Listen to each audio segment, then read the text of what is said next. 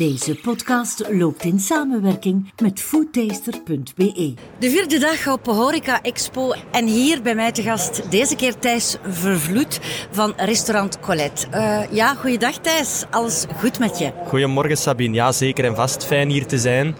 In een toch wel een uh, bewogen jaar weer. In een toch weer een moeilijke periode voor onze sector. Uh, maar als ik het hier zo zie, loopt alles uh, vlekkeloos veilig en is het uh, zeer fijn hier te zijn. En ben ik vereerd hier met u een podcast te mogen inspreken. Ja, en straks ga je nog een demo geven, uiteraard. Dat is ook belangrijk. Dat je dus die passie van jou eventjes kunt delen. Maar wat ik van jou wil weten, Thijs Vervloed. Hoe is het bij jou eigenlijk allemaal een beetje zo begonnen? Ja, dat, is, dat gaat al van ver terug, Sabine. ik ben ondertussen 31 jaar. Um, uiteraard um, gaat alles een beetje terug naar mijn jeugd in eerste instantie. Dat ik um, samen met mijn grootmoeder Colette op zondag biscuits bakte, patisserie bakte. Ja, zij heeft altijd gekookt op het kasteel de Merode in Westerlo. En dan ja, was mijn bloed ja, stroomde voor kok te worden, al van kleins af aan eigenlijk. Uh, dus dan ben ik eigenlijk vanaf mijn 12 jaar naar de hotelschool gegaan. Eerst in Hoogstraat en dan verder naar Kokzijde in Terduinen.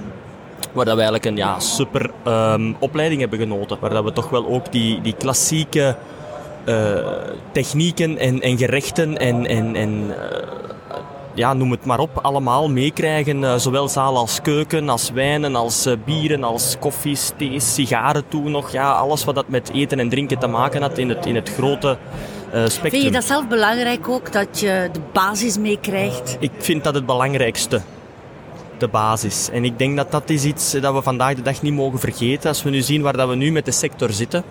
Dus zal ik wel terug even op mijn verleden komen. Maar als we, als we nu kijken waar dat we nu terug zitten met ons... Um, uh, in de gastronomische wereld zijn we eigenlijk terug van dat moleculaire Spaans... Um, iets wat um, specialere keuken terug aan het gaan naar een klassieke basiskeuken waar het product primeert, de saus, de authenticiteit, de cuisson, Um, dat vroeger veel, x aantal jaren terug, veel op uh, vacuüm gegaard werd of, of op lage temperatuur. Zijn we nu terug op karkas aan het braden, in sauteuses aan het braden, uh, arroseren. Maar eerlijk gezegd, ik heb nooit niets anders gedaan. Ik heb niet meegedaan met dat moleculaire verhaal, met die trend, hebben we dat wat gevolgd. Uiteraard, je moet mee zijn met wat er in de wereld gebeurt en beweegt. Maar onze filosofie is altijd die klassieke basis geweest. En die hebben we natuurlijk genoten in de hotelschool. En daarna ben ik, ik gaan natuurlijk werken na mijn, allez, als ik afgestudeerd ben op mijn 18 jaar, bij verschillende chefs. In binnen, in, buiten, in binnen- en buitenland. En de chef met de meeste impact op mij is nog altijd Joël Robuchon geweest daar ik twee jaar gewerkt heb in Parijs, in een atelier. En dat is een, een, een keuken ja, waar dat product ja, het hoogste goed is. Maar vertel dat toch eens, want Peter Goossens, eh, de Michelin-ster-chef, zegt dat ook. Hè. Product is het belangrijkste. Maar wat is dan de essentie? Van een slecht product kun je niks goed maken. Ja. Dat, dat zijn net de woorden van Peter. Dat klinkt misschien een beetje ja, cliché, maar dat is wel zo. Dus um, maar dat gaat ook over een kropsla dat een goed product moet zijn. Hè. Dat gaat niet enkel over een stuk vlees of vis. Nee, ik vind ook dat je... Uh, uh, wij geven bijvoorbeeld wagyu beef met frietjes, uh, kropsla, huisgemaakte pickles, mayonaise. Maar die kropsla is voor mij even belangrijk als die wagyu beef. Ja. Die aardappelen waar dat wij die fritten van snijden zijn voor mij even belangrijk, even belangrijk als caviar. Ja. Dus dat gaat in, in, in het breedste. Het glas waar dat wij onze wijn in drinken, uit, in, inschenken, is voor mij even belangrijk als caviar. Als de wijn zelf. Voilà, of, als de wijn zelf. Het, het, bestek, ik, ik ben dan ook, ja, ik ben dan van die klassieke oude stempel. Uh, ik vind dat ook niet erg om dat te zeggen. Als van 31. Uh, voilà, ik heb daar ook geen probleem mee. In de zin van, ja, we werken met gestreken tafellakens. We werken met zilver couverts. Uh, ik ben een freak in zilver. Ik ben daar een amateur in. Dus alles wat dat van zilver is, dat wil ik kopen. Uh, omdat ik dat fantastisch... Dat blijft ook tijdloos.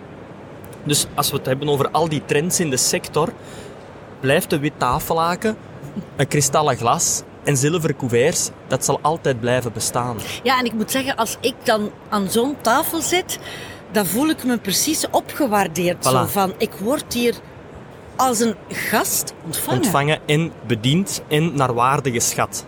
En dat is voor ons iets dat wij heel hoog in het vaandel dragen. Dat, dat de tafellaken moet maar dat komt ook van bij ons thuis. Als wij vroeger op zondag uh, of onder de week, zelf door de week, een tas koffie dronken thuis, er zal altijd een tafellaken gelegd geweest zijn. een caro, er, eh, eh, rood met wit. Een, een, een, een met te veel bloemetjes, een met, met zonnebloemen in de zomer, een lelijk, een schoon, een groot, een klein.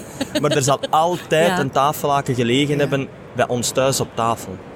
En dat neem je wel mee. Ja. En dat is eigenlijk van oudsher en van klassiek, is dat zo. Dat, is, dat heeft een bepaalde dan, waarde. Ik ben graag de advocaat van de duivel. Uiteraard, we hebben een trend van de rock'n'roll chefs. Ja. Die mogen er ook zijn, Absoluut. absoluut. Maar vrees je dan niet dat je dan toch weer een, een ander doelpubliek zal hebben? Een ouder doelpubliek, met alle respect Ja. voor onze ouderen. En, en, maar en dat komt, en daar, daar, daar ehm, eh, kan ik zeker in volgen. Ehm, vind ik dat een probleem? Nee. Eh, wij proberen wel natuurlijk ook jonge mensen aan te trekken, uiteraard, want dat is natuurlijk ons cliënteel van de toekomst. Ja. Dat moeten we ook zeggen. Dus wij moeten wat van alles hebben. Natuurlijk is ons restaurant, onze filosofie, dus we komen dan eigenlijk uit ehm, dat ik bij verschillende chefs gewerkt heb. Joël Robuchon is echt een van mijn leermeesters geweest, waar dat ik echt de, de waarde en de filosofie van draag. Ik heb ook bij Vicky gewerkt als souschef op het MAS. Ehm, ook heel veel geleerd. Vicky is een heel technische kok. eh, maakt prachtig, is, is, is esthetisch op bord prachtig. eh, is, een, is een supertalent, want is autodidact. Ehm, En die is onze nieuwe drie Michelin Voilà. Dus sterrenchef het is, naast het is, Peter. ja, voilà, dus dat is de top, top van België. Eh, en wereldwijd. Ehm, en dan komt er natuurlijk bij Wijgen, want bij hetgeen dat, bij, datgene dat ik bij Vicky doe, doe ik bijna niet, voor mijn, allez, doe ik niet in Colette. Dus dan ga je natuurlijk Wijgen zeggen van oké, we gaan nu een eigen zaak open doen. Maar dan, ja, je bent jong, je bent 26 jaar en dan moeten we het altijd over hetzelfde hebben. En dan is het financieel, vandaag de dag, het risico dat je neemt, de financiële impact, de zorgen, ja, dan zijn er toch wel ineens een hoop slapeloze nachten. Ja. Want we praten hier toch wel over 500.000, 600.000 euro. Ja, want als chef moet je ook ondernemer zijn tegenwoordig. Dus eh, we moeten dat niet onder stoelen of banken schuiven dat dat eh, eh, over een paar duizend euro gaat. Nee, dat is niet. Dat gaat over een paar honderdduizend euro. Dus dat is toch ook wel geld. En op het einde van de rit is het zoals u zegt, je moet een ondernemer zijn en moet s'avonds de kas vol zitten. Absoluut. En de winkel moet gedraaid hebben. Ja. Want we zijn een schoenenwinkel, hè. we moeten schoenen verkopen. Hè. Wij verkopen buffsteak met fruit. Voilà. Ja, en liefst schoenen met een strikje. voilà. En in een schoon doos. Ja. En ja, dan mijn ouderlijk huis, waar dat ik woonde met mijn moeder, met mijn zusters. ehm, dat was het huis van mijn grootmoeder, van Colette. En op een gegeven dag zeg ik, ja, ik zou hier eigenlijk met jullie eens willen rond tafel zitten en ik zou eigenlijk hier restaurant willen maken. Ja, mijn moeder dan, ja, maar ik woon ik hier nog wel altijd. Ja, dit moet en- ik dan buiten? Ja, hè, voilà, dus eh, dat is altijd zo, ja, een beetje, ja nee, we gaan zorgen. Kijk, ik zeg het maar eens, ik gooi het maar eens even in de familiegroep. En we zien wel. En dan zijn er ook maanden misschien niks meer over gezegd geweest. Hè, tot op een gegeven moment dat mijn grootmoeder zegt, ja Thijs, ik zou toch Zij graag... was er toen nog. Ja, ja, ja, ze is er nog altijd. Ze is er nog altijd. Dus ehm, mijn grootmoeder zegt, Thijs, ik wil dat jij toch hier restaurant doet. Oké, ja, dan moeten we hier eh, een architect aanspreken, moeten we beginnen verbouwen, want dat is een woonhuis. Dus we moeten van... Maar jij zag dat wel zitten, dat was groot genoeg voor Ja, jou. ehm, waarom zag ik dat zitten? Omdat je dan eigenlijk ehm, geen pand moest kopen. Hè, we moesten dan eigenlijk huren van mijn grootmoeder. Ehm, en dan spaarde daar toch weer al 250, 300.000 euro uit, los van je investering van de verbouwing. Ja. Dus dan ga je van 500.000 euro naar 800.000 euro. ja. Dus goed, oké. Ehm, nee, we doen dat in het ouderlijk huis. En dan ja, was voor mij de naam voor de hand liggend natuurlijk. Mooie naam. Dat bekt mooi, Frans, eh, ja. Nederlands, in Colette. alle talen. In alle talen. En hoe reageerde zij? Ja, emotioneel uiteraard. Want ik krijg er zelf nog eh, kippenvel zijn van... eh, als er ooit een ja. restaurant naar mijn naam wordt genoemd. ja. En, en, maar dat was voor de hand liggend. Sabine. Moest daar niet over nadenken, hè. Dat zat ineens, kwam dat binnen bij mij. Ik zei, oké, dat wordt het. Ik zeg dat thuis aan tafel. Ik zeg, ik wil dat iedereen gaat zitten. Ik denk dat je best allemaal gaat zitten. Ik heb de naam van het restaurant. Oké, zeg het maar. Ja, restaurant Colette. En iedereen begint te schreeuwen. Oh, mooi verhaal, ja. Nu, dat huis, dat was natuurlijk een woonhuis. Absoluut. Je hebt een industriële keuken nodig. Had jij in jouw hoofd meteen al de inrichting Ja. voor je? Ja, omdat het er een... Alle geluk... Want ja, het, het was een, het is een rijhuis, dus het is een lange, smalle koker eigenlijk.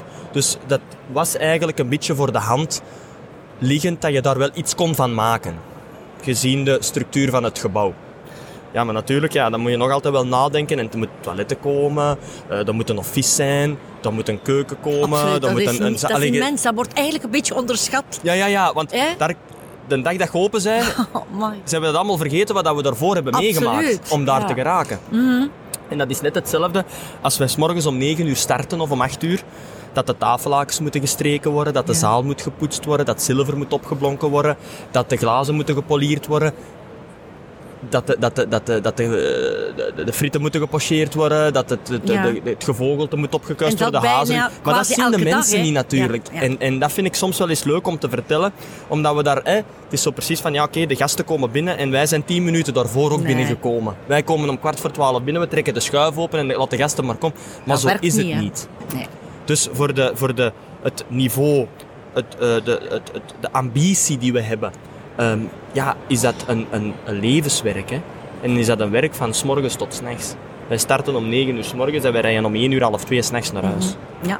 En hoe heb jij je restaurant dan uiteindelijk ingericht? Want je wilde dat verhaal van je grootmoeder waarschijnlijk ook niet verliezen. Dus ik kan me voorstellen dat het gezellig, warm, klassieker Ja, we is. zaten of- natuurlijk in een huiskamerrestaurant. In de zin van, oké, ja, je zit ehm, eh, eh, in de ruimte die beperkt is.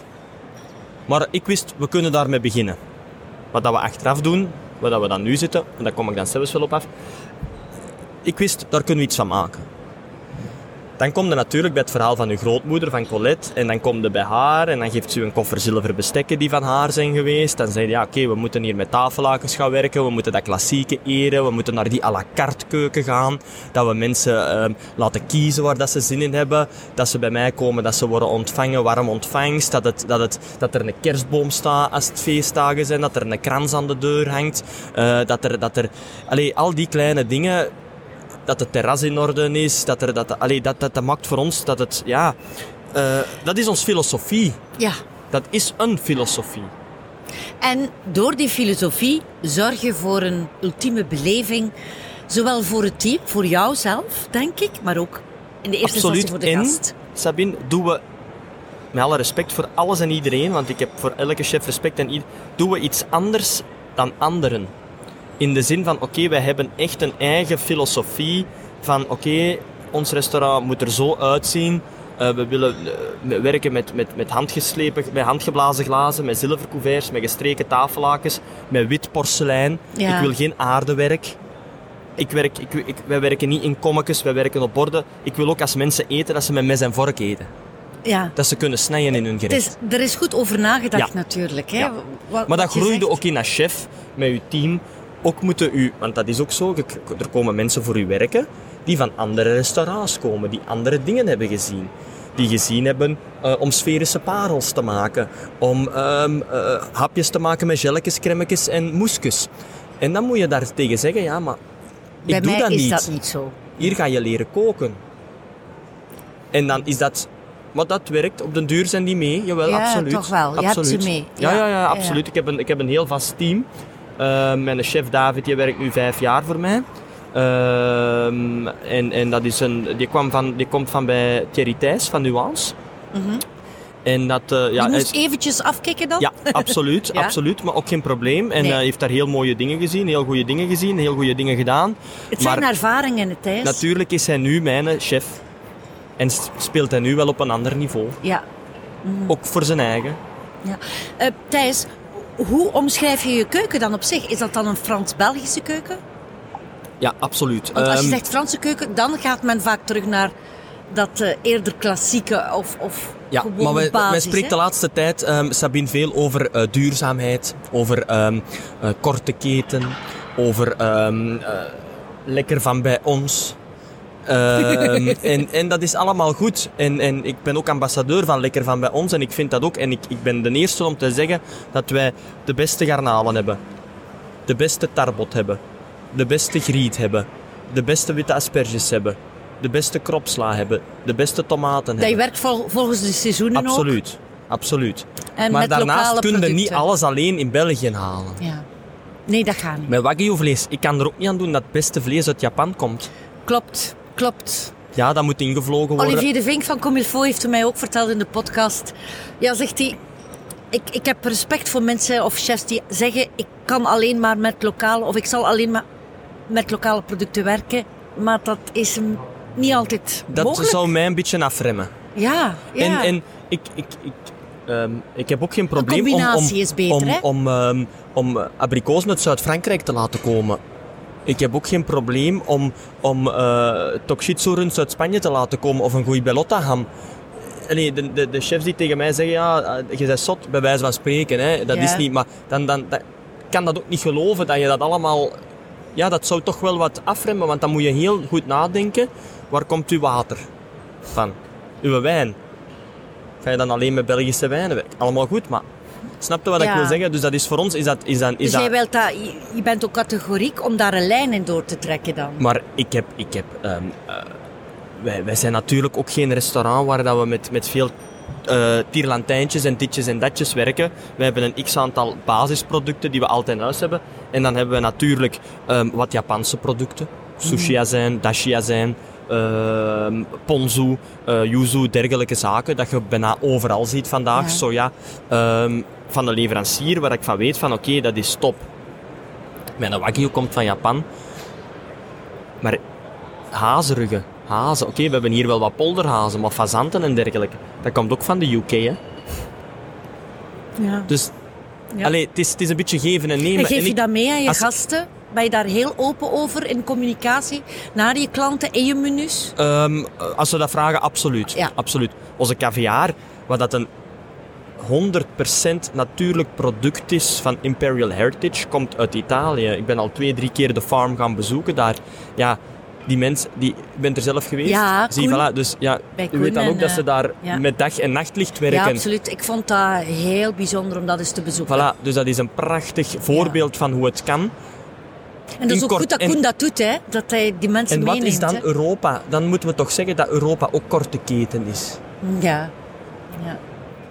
Het is een en mooi spreek verhaal, me tegen als we keten, zeggen dat maar... Europa als Zuid-Frankrijk te ver is om iets te laten komen. Maar dan, ja, dan, dan moet ik als chef stoppen. Ja. Maar is duurzaamheid en daarmee bezig zijn en daarover nadenken belangrijk? Ja. En iets kopen ehm, eh, van Amerika, omdat dat, dat doe ik niet. Of van Japan of van China, dat doe ik niet. Gewoon voor te kopen, voor te kopen, omdat Nee. je denkt, omdat je hoort van links of rechts. Weer. Het nee, moet functioneel het zijn. moet, het moet ten eerste binnen uw filosofie passen, voor mij dan toch. Ten tweede inderdaad functioneel zijn. En, en, en dan is dat iets anders. Maar laat ons toch zeggen dat Europa korte keten is, alstublieft. Ja. Mhm. Mooi statement, hè? Ja. Ja. Voilà. Zeg, jouw filosofie is ook beloond geweest door Foodtaster. Van, eh, die zijn bij jou op bezoek geweest. Ja, nog niet zo lang geleden. ehm, maar ik ben nog niet op de hoogte van het eh, nieuwe artikel. Spannend. Eh, ze hebben een, ja, ze zijn meermaals in, dat moet ik misschien nog even vertellen, ze zijn meermaals in, ehm, in Westerlo geweest uiteraard. Eh, ehm, en, en daar hadden we al een zeer lovend mooi artikel. En ik ben zeer benieuwd eh, naar hetgeen dat Naar de komen. score, hè, eh, want ja, naar de ze wel, score. nu? dus ze werken met Ja. punten op 100. Ja, maar zij dat? splitsen wel op. Dus zij werken enerzijds met ehm, eh, hygiëne en kwaliteit, eh, food, Mhm. kader. Dus ze hebben een, een, een, puntensysteem dat ze opsplitsen. Ze, ze kijken ook alles na. Ehm, het sanitair, de tafels, de stoelen, dergelijke. Ze zijn er wel ook mee bezig. Het totale plaatje. Voilà, de totaalbeleving. Ehm, natuurlijk hadden wij een zeer mooi artikel in Westerlo. En dan komt corona. Ja. En ik moet het niet zeggen eh, dat we in eh, 13 maart 2020 zijn eh, moeten sluiten. We herinneren ons die datum alsof, Krijg alsof het gisteren was. voilà. Ja. En ik ben eigenlijk, ehm Sabine, 14 maart met takeaway begonnen. Direct. Direct. Ja, mijn frigo's zaten vol. We zaten met Jong Keukengeweld, we zaten met de hopscheuten. Ja. Eh, wij zaten vol, vol, het restaurant zat vol. Wij zaten, mijn frigo's zaten tot tegen de plafond gevuld. Je kunt niet geloven. Maar toch was het zo. Als ik dat moest wegsmijten, moest ik ja, tienduizenden euro's wegsmijten. Ik zeg, ik ga met takeaway beginnen, direct. En dat sloeg aan. Enorm. En zo zijn we de eerste lockdown doorgekomen. Maar naarmate dat natuurlijk de heropening van de horeca zat er, eraan zat te komen richting begin juni, ja, zit ik in mijn restaurant in Westerlo op de bank en zit ik te kijken naar mijn klein kot. En zeg ik van, ja, hoe ga ik dat hier op anderhalve meter moeten doen? Ja, toen was er nog absoluut geen sprake van vaccins. Er was nog veel angst. We wisten eigenlijk nog niet veel over dat virus. We waren drie, vier maanden verder, hè? twaalf Ja. weken verder. En ik zit te kijken en ik zeg, hoe gaan wij dat hier doen? We zijn drie maanden dicht geweest en nu moeten we waarschijnlijk tot het einde van het jaar aan 50% capaciteit Ja. werken, wat dat ook 50% omzetverlies is. Ja, Dan hebben we dit jaar niks verdiend. ja. Maar het personeel moet wel terugkomen, de kosten moeten, zijn er, de, de elektriek en het water en, Het een, en het licht, een, dat een brandt even. uitdaging, hè? Dus Mhm. dat was een, een uitdaging. En ik zeg tegen mijn vrouw, ik zeg, eh Lore, ik zie dat hier niet zitten. Ik zeg, dat gaat hier niet gaan. Mensen gaan bang hebben, ze moeten hier op die bank naast elkaar gaan zitten. Eh, niemand wil even elkaar gaan zitten. Allee, ik zeg, hoe gaan wij dat doen? En ehm, nou, we hebben niet veel keus natuurlijk. Hè. Wat, wat kunnen doen? Ja, plexiglas zetten. Eh, totdat er een eh, vaste klant van mij binnenkomt. En ehm, ik zeg, ja, ehm, zeg, hoe gaan we dat hier doen? Met die eropstart, zie ons hier zitten. Ja, Matthijs, dat kun je toch niet doen? Je kunt hier niet eens anderhalve meter je tafels uit elkaar zetten. Of je kunt nog drie tafels zetten, bij wijze van spreken. Kom tot bij mij. Ik heb de vijvers in Averboden. Ik zeg, ja, maar ja, ik heb ik geen geld om daar... Allee, ja, maar kom, we zullen eens gaan kijken. Wij met twee daar naartoe. En ik kom binnen in een kantine. In een kantine van de voetbal, bij Van wijze van spreken. ja. Een, een, een eh, roze vloer. ehm, overal lampenderkjes, ehm, een roze tegel, ehm, een, en? een, een, een, een lunchgarden, een doorschuiftoog. Ja, en? allee. Eh, ik zeg, ja, maar hier kan ik toch morgen geen restaurant doen? Allee, ja, maar wat wilde dat? Ik zeg, ja, als ik eerlijk mag zijn, hier moet toch een muur komen, dan moet hier weg. Hier moet eh, een plancher gelegd worden. Hier Beetje moet, opge ja, allee, gepimpt worden. Oké, geen probleem. We doen dat. En ik zeg, wauw, ja natuurlijk, inderdaad. eh, Dankbaarheid. ja, Ja, absoluut, absoluut. Ehm, en ons groot geluk is, Sabine, dat we daar niet hebben getwijfeld. Want wij waren onrechtstreeks in Westerlo, wisten wij dat wij op termijn te klein gingen zitten. ja. En dan begint al wel eens rond te kijken van wat, wat, biedt er, wat is er op de markt dat zich aanbiedt. ja. Maar dan zit je natuurlijk met een zware kost opnieuw, opnieuw Ja. en dan kom je weer bij hetzelfde verhaal uit. En ten tweede, dan komt elke avond in uw, in uw restaurant en dan zeg je, ja, maar hier hebben we toch eigenlijk alles. En waarom moeten we verhuizen? Ja. En waarom gaan we dat ons aandoen om terug van nul te beginnen en alles? Verstaat wat ik wil zeggen? ja, En absoluut. daar hadden we geen keuze. We moesten dat doen. Om... Dat is misschien het positieve geweest aan deze periode, dat je jezelf toch heruitvindt of eventjes denkt, nadenkt Dus van... ik zeg tegen mijn vrouw, we ik gaan zeg, ervoor. Lore, Ja. we gaan ervoor. We richten onze rug, we kijken dat als een positief verhaal. En we doen dat in pop-up in drie maanden. Dus we doen dat de ganse zomer. En we rijden in, in september rijden we terug naar Westerlo. En als het lukt, is dat dan een blijver? En we rijden terug naar Westerlo. En we zien wel. Oké, zegt ze, we doen dat. En wat hebben, we daar, wat hebben we daar gedaan? We hebben daar wat lichte aanpassingen. Een koesje verf. eh allee, hetgeen dat moest gebeuren. Een nieuwe vloer, tafels, tafelen. Allee, alles van Westerlo daar gehaald. Een keuken, pop-up van Mazinox nog destijds. Ehm, allee, iedereen heeft ons geholpen waar dat we konden. Super, super. Alle leveranciers ons super geholpen. Maar het was toch maar een pop-up verhaal. Dus het maakt voor ons niet zoveel uit. Ik bel ook naar Food Taster, ik bel naar Michelin, ik bel naar Gomeo om dat toch wel te melden van kijk, chef, geen enkel probleem. Eh, we weten hoe zwaar dat geweest is. Eh, we weten hoe dat de sector gebloed heeft. Doe maar op. Oké. En wij starten 10 juni 2020. En we hebben daar enorm, enorm, enorme publiciteit aan gehad, ten eerste. Altijd in een positief verhaal. Wat ik ook wou. En Dat- wat ik ook dat is vind. belangrijk, Voilà. denk ik. Ik heb geen dag geklaagd, geen dag gezaagd. Ik heb andere dingen gezien en gehoord. Ik heb gezegd, we richten onze rug, we blijven positief en we zien wel waar dat uitkomt. Ik zeg, we moeten geld verdienen. Als we ons verhaal willen Blijven vertellen, vertellen, wel. Ja. En wij doen daar de eerste service, donderdagavond 10 juni, en iedereen is naar huis. En ik sta met mijn vrouw op terras en ik zeg, ja, Lore, maar dit is het, hè. Hier moeten wij blijven, hè. Oké, mooi. Hier kunnen we niet meer weg, hè. Of willen we niet meer weg, hè. Dus, want we moeten ons verhaal of Ja. ons gesprek afronden. Dus eigenlijk is het nu restaurant Colette de Vijvers geworden. Absoluut. Dat is het verhaal. En En dat is eigenlijk door de lockdown en Door door, de die ondernemer die jou heeft geholpen. Dat is toch prachtig dat dat nog kan bestaan, dat mensen er zijn om je te helpen. En om dan de cirkel nog heel snel eh, rond te maken, was het domein vroeger eigendom van de familie de Merode. Waar dat mijn grootmoeder altijd rond. gekookt heeft. Wauw, ik denk dat het zo moest zijn dan. krijg een beetje koude Ja. van. Dus dat is een, ja. een unieke setting. Oké, ik wil nog één vraagje stellen. Lore, jouw echtgenote, dat is jouw rots in de branding, maar ook omgekeerd. Wat doet zij? Staat zij in de zaal? Zij is de gastvrouw.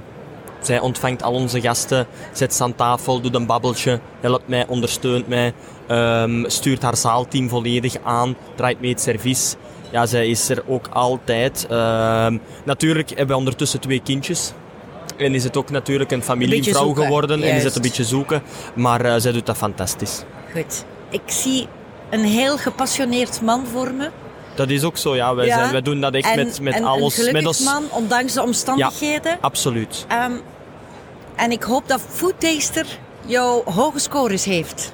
Want alleen door jouw verhaal te horen, denk ik van... Ja, dit is ik kan er nog niks, eh, ik, heb het, nee, ik weet nog van niks, dus ik ben ook zeer Ja. benieuwd en curieus naar wat het gaat Ja, zijn. maar het is wel een mooi gegeven dat de hele beleving wordt gequoteerd. En dat, stelt je ook gerust, want dat, dat hoort erbij. Hè? Absoluut, en zeker ook het kader en dergelijke. En wat dat je dan merkt is, Sabine, dat nu toch wel ineens met de verhuis we enorm zijn geleveld, ook naar food taster, Beaumillon, Michelin. Dat je toch wel Ja. voelt van, oké, dat is niet meer die kleine van Colette in Westerlo. en dat, allee, dat is ook wel fijn. Is, ja, ja, en ook ja. omdat we altijd met een positief verhaal zijn blijven komen. Oké. En dat is het belangrijkste. En daarmee gaan we afsluiten. Blijf positief. Absoluut, Hoe dan ook. altijd. En Er zijn erger dingen in het hangen. leven. Dankjewel, Thijs Vervloed. Alsjeblieft. Super. Bedankt dat je erbij was. We hadden het goed samen. Meer over de podcast Satellite Gourmet ontdek je op onze mediakanalen. Spotify, Google en Apple Podcasts om te luisteren. Of het YouTube-kanaal om te kijken. Blijf up-to-date en volg ons op Instagram. At. Foodtaster.be De digitale restaurantgids die de gehele restaurantbelevenis beoordeelt. Ga naar foodtaster.be voor meer informatie.